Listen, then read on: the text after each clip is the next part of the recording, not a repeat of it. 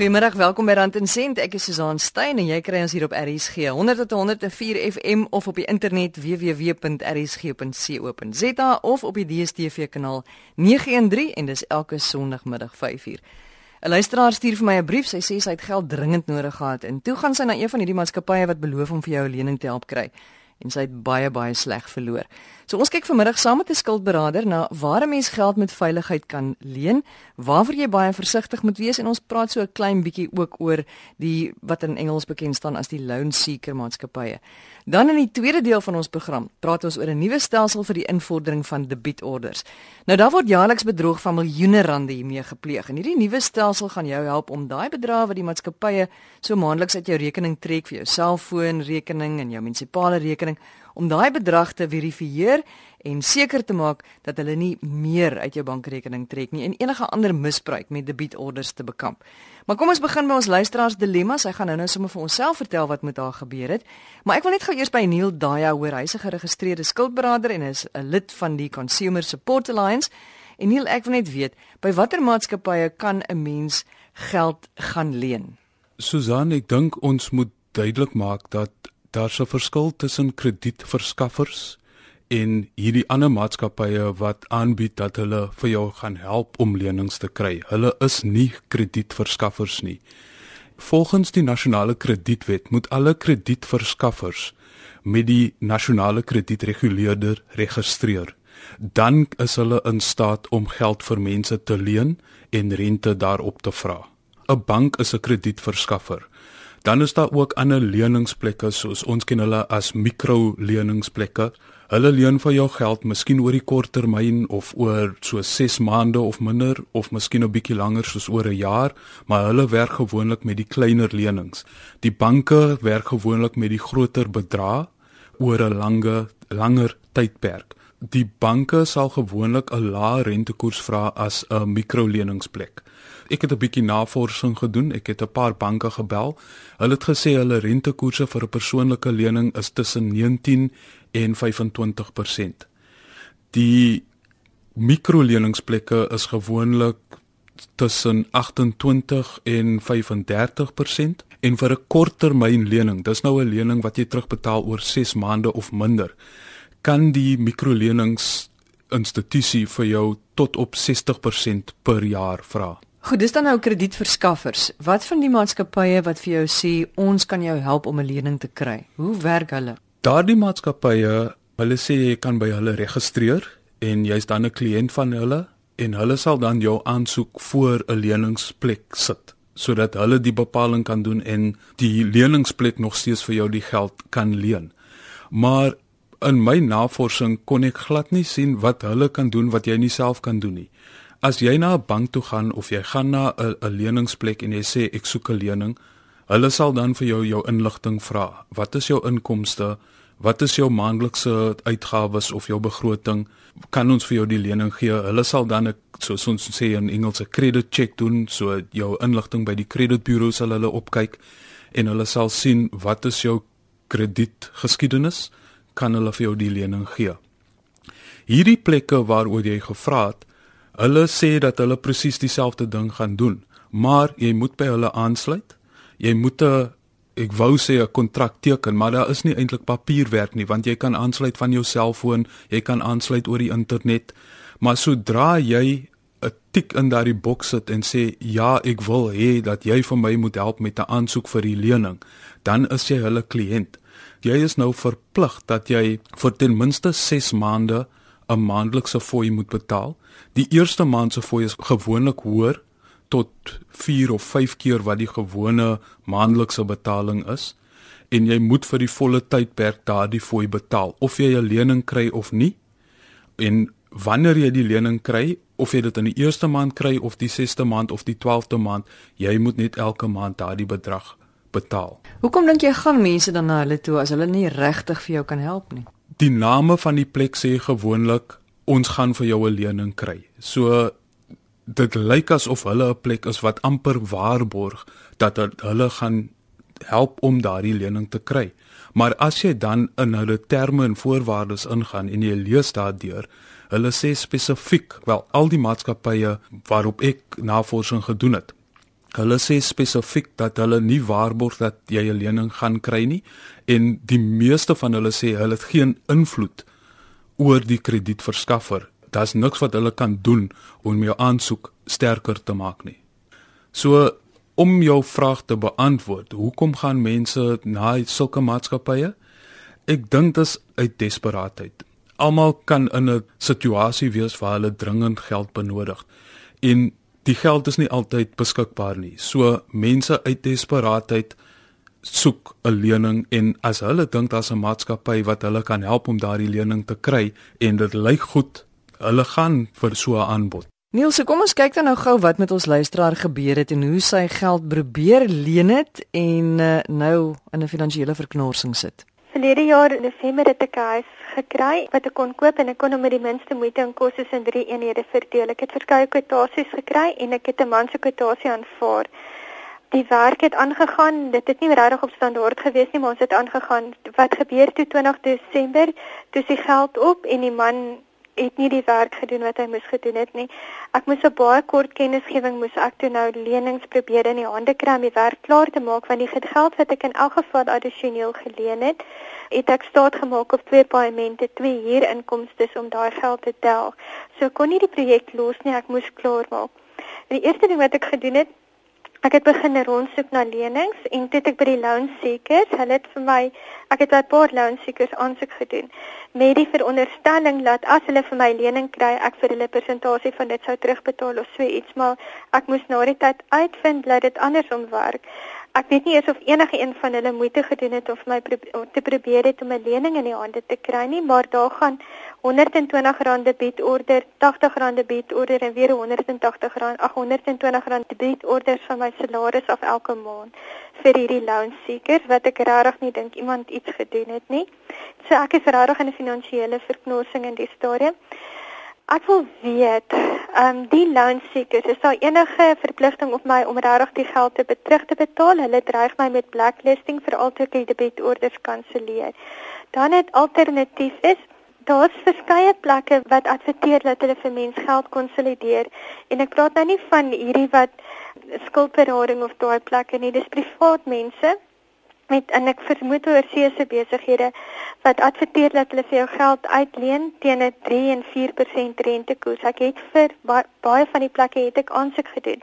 Maar nou se mense al versigtig en bang dat jy dalk 'n groter moeilikheid gaan beland. Is hierdie plekke legit? Hoe kan ek uitvind of hierdie plekke legit is en of dit veilig is om by hierdie plekke aansoek te doen? Wat ehm um, van die plekke self ehm um, waarborg dat hulle oor 20 jaar teen 'n vasgestelde paaiement per uh, per maand kan jy aan hulle die geld terugbetaal wat 'n baie goeie opsie is en dan is ek uit my finansiële verknorsing sou ek van hierdie lenings gebruik maak. Neil, iets wat my nou laat dink voordat ons by daardie twee vrae kom is ja, hoe weet 'n mens hierdie maatskappye soek wel vir jou 'n lening? Dis een van die groot probleme wat ek opgetel het. Jy weet glad nie watter werk hulle doen om vir jou te help nie. Jy het geen beheer oor of dit gebeur of nie. En die probleem is al kry jy 'n lening of nie, jy moet nog steeds die maandelikse fooi betaal of die debietorde moet van jou rekening afkom. Nou dit is die ander ding wat my opgeval het, die feit dat sy nou gepraat van hierdie sy drie plekke genader en nou het sy drie maandelikse betalings wat sy moet doen. Hoe lank duur hierdie betalings wat jy nou moet doen? Hoe werk dit? In hulle terme en voorwaardes. Hulle sê dat as jy nou die navorsing op jou selfoon of oor die internet gedoen het en daar's 'n 'n blok of iets wat jy kan tik om te sê ja, ek wil hê julle moet help dat ek 'n lening kry. Dan het jy by hulle nou opgeteken en jy's 'n kliënt en jy is nou verplig om daardie maandelikse bedrag te betaal. Of jy nou jou lening kry of nie. Of jy dit kry of nie. Volgens my navorsing is die kontrakte weer eens dis nie iets wat jy teken nie, maar ek weet nie hoe anders om dit te stel nie, maar die kontrak is vir tussen 6 of 12 maande en 'n paar van die plekke sê as jy dit nie uh, skriftelik kanselleer nie, dan hernie dit outomaties vir nog 'n jaar. So jy kan vir 12 maande betaal en dan is daar 'n outomatiese hernuwing en jy betaal vir nog 12 maande as jy dit nie self kanselleer nie. Haar tweede vraag Neil en my derde punt na aanleiding van haar gesprek sê sy daar is nou privaat mense wat in die koerante adverteer dat hulle vir jou lening sal gee teen 3 tot 4%. Is dit wettig en is dit veilig?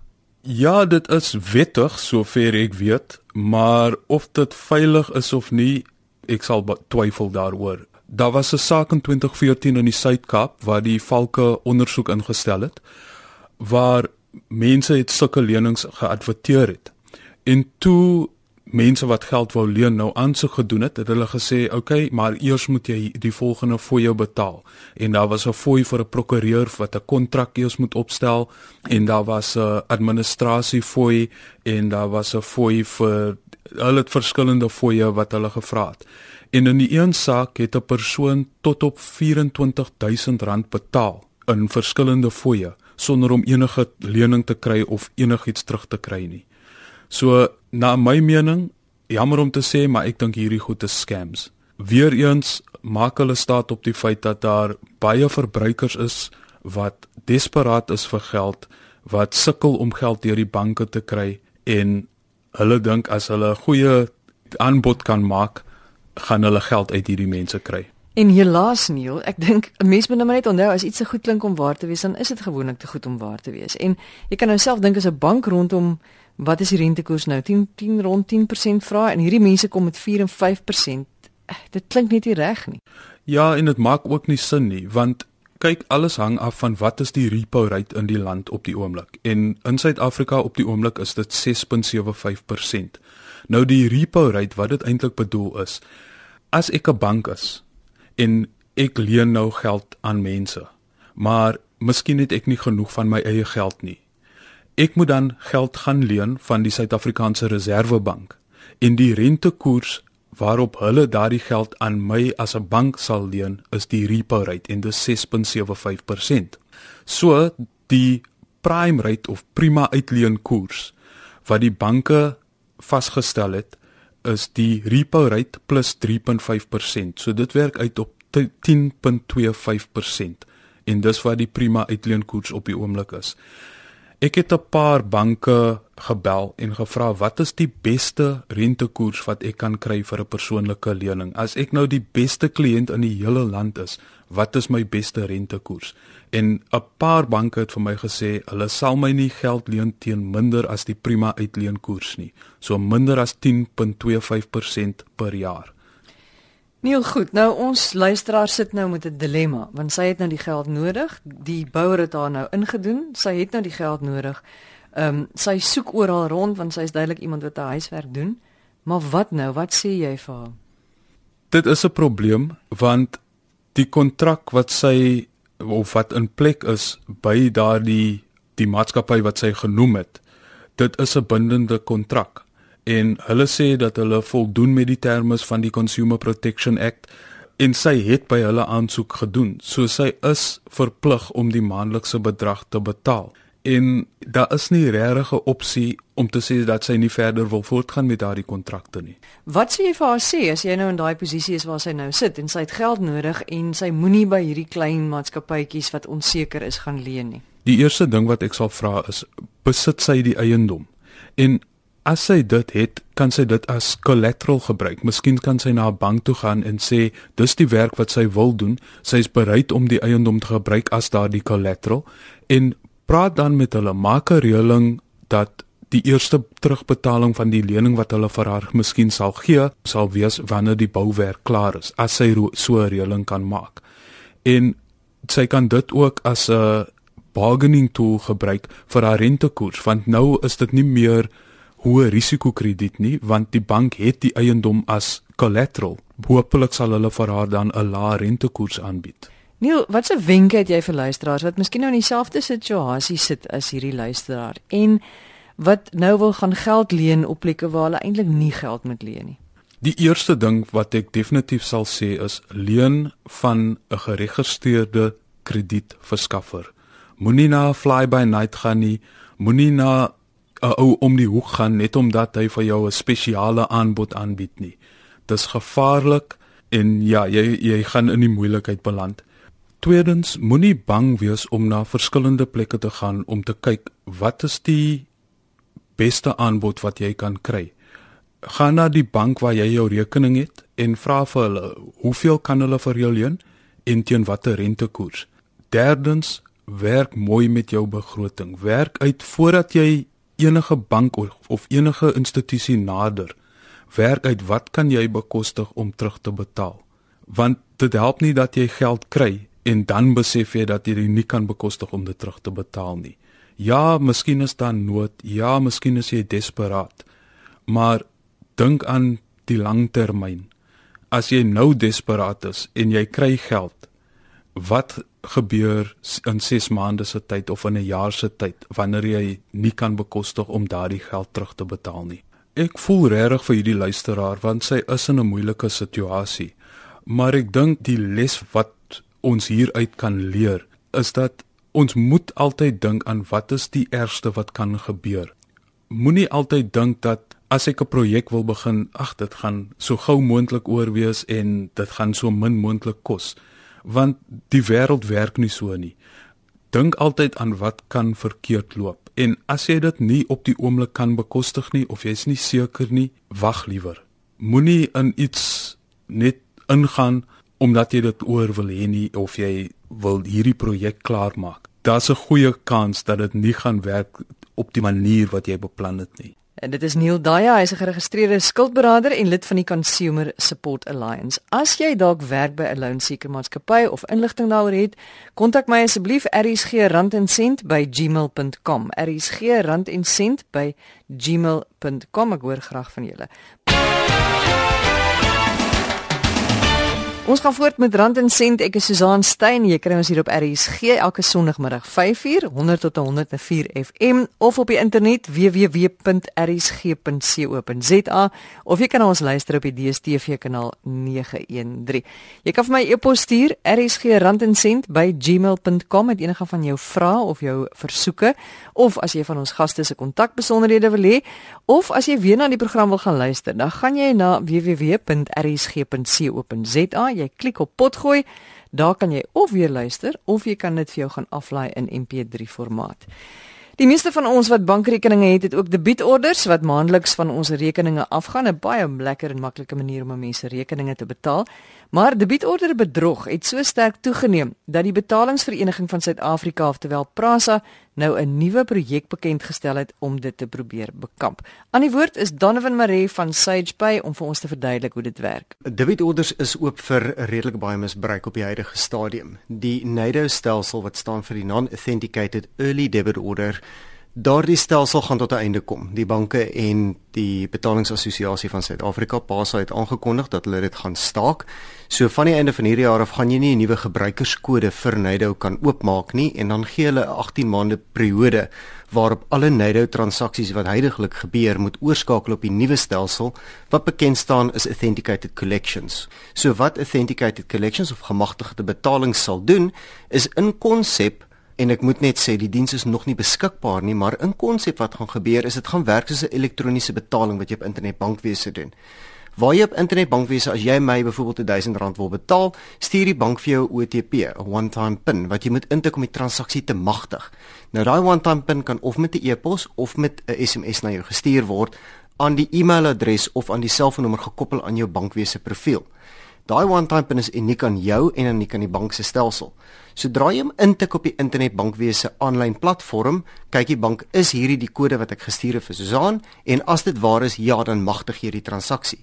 Nou gemagtigde betaling sal op presies dieselfde konsep werk waar as ek 'n debietorder teen jou rekening insit, gaan die bank vir my dan 'n een, eenmalige kode stuur op een of ander wyse en as ek dan daai transaksie goedkeur, ja, kan jy geld van my rekening aftrek. Die transaksie is nie 'n gewaarborgde meganisme van betaling nie. As daar nie geld in jou rekening is nie, is daar net eenvoudig geen geld in jou rekening nie. Die voordeel wat dit wel het vir die industrie is dat jy kan nie daai transaksie baie maklik gaan dispuut deur te sê ek het nooit toestemming gegee vir hierdie transaksie nie, want jy het hom dus gewaarborg aan die bank met die eenmalige pin wat jy deurgekry het. Donovan sê hulle het nog geen idee wanneer hierdie nuwe stelsel geïmplementeer gaan word nie. Ek het geen dokumentasie nog aan uh, ontvang vanaf die bankraad af of van enige van die banke af nie. Die groot probleem waarmee ons in die industrie sit is jy het 5 of 6 banke, groot banke wat almal gelyktydig dieselfde proses moet volg. Dit help nie een bank het 'n spesifieke proses en 'n ander het het weer 'n verskillende proses nie, dan word die gebruiker daardeur benadeel. So die banke moet eers ooreenstem oor al die prosesse wat gebruik word, wanneer hulle dit gaan implementeer en hoe hulle dit gaan implementeer. En dan kan ons as verbruikers van die stelsel dit beskikbaar maak aan die eindverbruiker daar buite. Die afsnytyd wat gestel is deur PASA is die einde van die jaar, September maand hierdie jaar. Ons hoop en bid dat die banke teen daardie tyd die proses um uitgestryk sal hê om 'n eenmalige proses vir almal te hê. Maar dit hang af van van baie faktore op die bankstelsel. As 'n kliënt byvoorbeeld nie 'n selfoonnommer gekoppel het in sy profiel nie, hoe gaan hy die transaksie magtig? As die kliënt nie 'n e-mailadres het op sy profiel nie en hy het wel 'n selfoonnommer, watter kanaal gaan gevolg word? Daar's redelik baie reëlings. Die ouens is besig om aan te werk. So ons kyk na min of meer September hierdie jaar en as 'n mens werk met die banke, kan jy kyk na omtrent 'n 6 maande venster tot 'n 6 maande venster daarna vir hulle om die projek uit te rol. Volgens Donovan is daar verskeie maniere waarop hierdie nuwe stelsel tot ons voordeel gaan strek. Nou kan iemand nie net geld uit jou rekening uittrek sonder dat jy toestemming gee daarvoor nie. Dit gaan die industrie, die die debietorder proseseringsindustrie ook bevoordeel want dispute van transaksies waar jy inbel en sê wel ek weet nie of ek het nie hierdie persoon magtig of hierdie maatskappy magtig gegee om geld uit my rekening uit te trek nie, dit sal dit ook daadwerklik verminder. So die voordeel is dat jy meer beheer oor die transaksie. Die nadeel is basies dat jy gaan baie SMS'e kry of e-mails kry of boodskappe van die bank af kry om te sê mag ons hierdie geld aftrek. Die lekker ding van die die diens en soos dit ons verduidelik is in die industrie is dat jy gaan dit net eenmalig doen. So as ek eenmalig my gym kontrak teken, dan stuur hulle daai versoek deur en 'n debietorder onthou is 'n bedrag wat kan wissel. Jy kyk na jou water en ligte rekening, jy kyk na jou selfoonrekening ensovoorts, die bedrag kan binne perke wissel. So solank as wat hulle binne 'n gelykmatige of regverdige basis werk, kan daai bedrag aangepas word op 'n maandelikse basis. Donovan sê 'n goeie voorbeeld hiervan as jy byvoorbeeld 'n munisipale rekening kry van 'n R100 rondom 'n R100 per maand. As hy nou een maand miskien R150 is, gaan jy niks van die bank hoor nie. Maar as daai rekening skielik opskiet na R1000 toe, dan gaan die bank jou beslis kontak. Volgens die teorie en volgens wat ons ontvang het van hulle, ja, dan gaan jy weer 'n boodskap kry om te sê jy moet nou weer toestemming gee. So die proses is as die rekening van 150 na 1000 rand skop, dan gaan die die die maatskappy wat van jou trek in hierdie geval die munisipaliteit weer moet aansoek doen vir 'n hoër bedrag wat die bank dan weer vir jou toestemming gaan vra. Jy gaan dit weer moet goedkeur en dan mag die transaksie eers deurgaan. So sê Donovan Marie, hy is van SagePay en onthou as jy van ons gaste se kontakbesonderhede soek, e-pos vir my, ek is Susan Stein en die e-posadres is rsg@gmail.com. rsg@gmail.com. Volgende week gaan ons kyk hoe jy jou rande 'n bietjie kan rek as jy gaan inkopies doen in die winkel, op watter maniere 'n mens kan bespaar en ook met jou elke dag se kokery, selfs wanneer jy gaste moet onthaal. Dan gaan ons ook praat oor huwelikskontrakte vir eienaars van sakeondernemings. 'n Lekker week vir almal. Totsiens.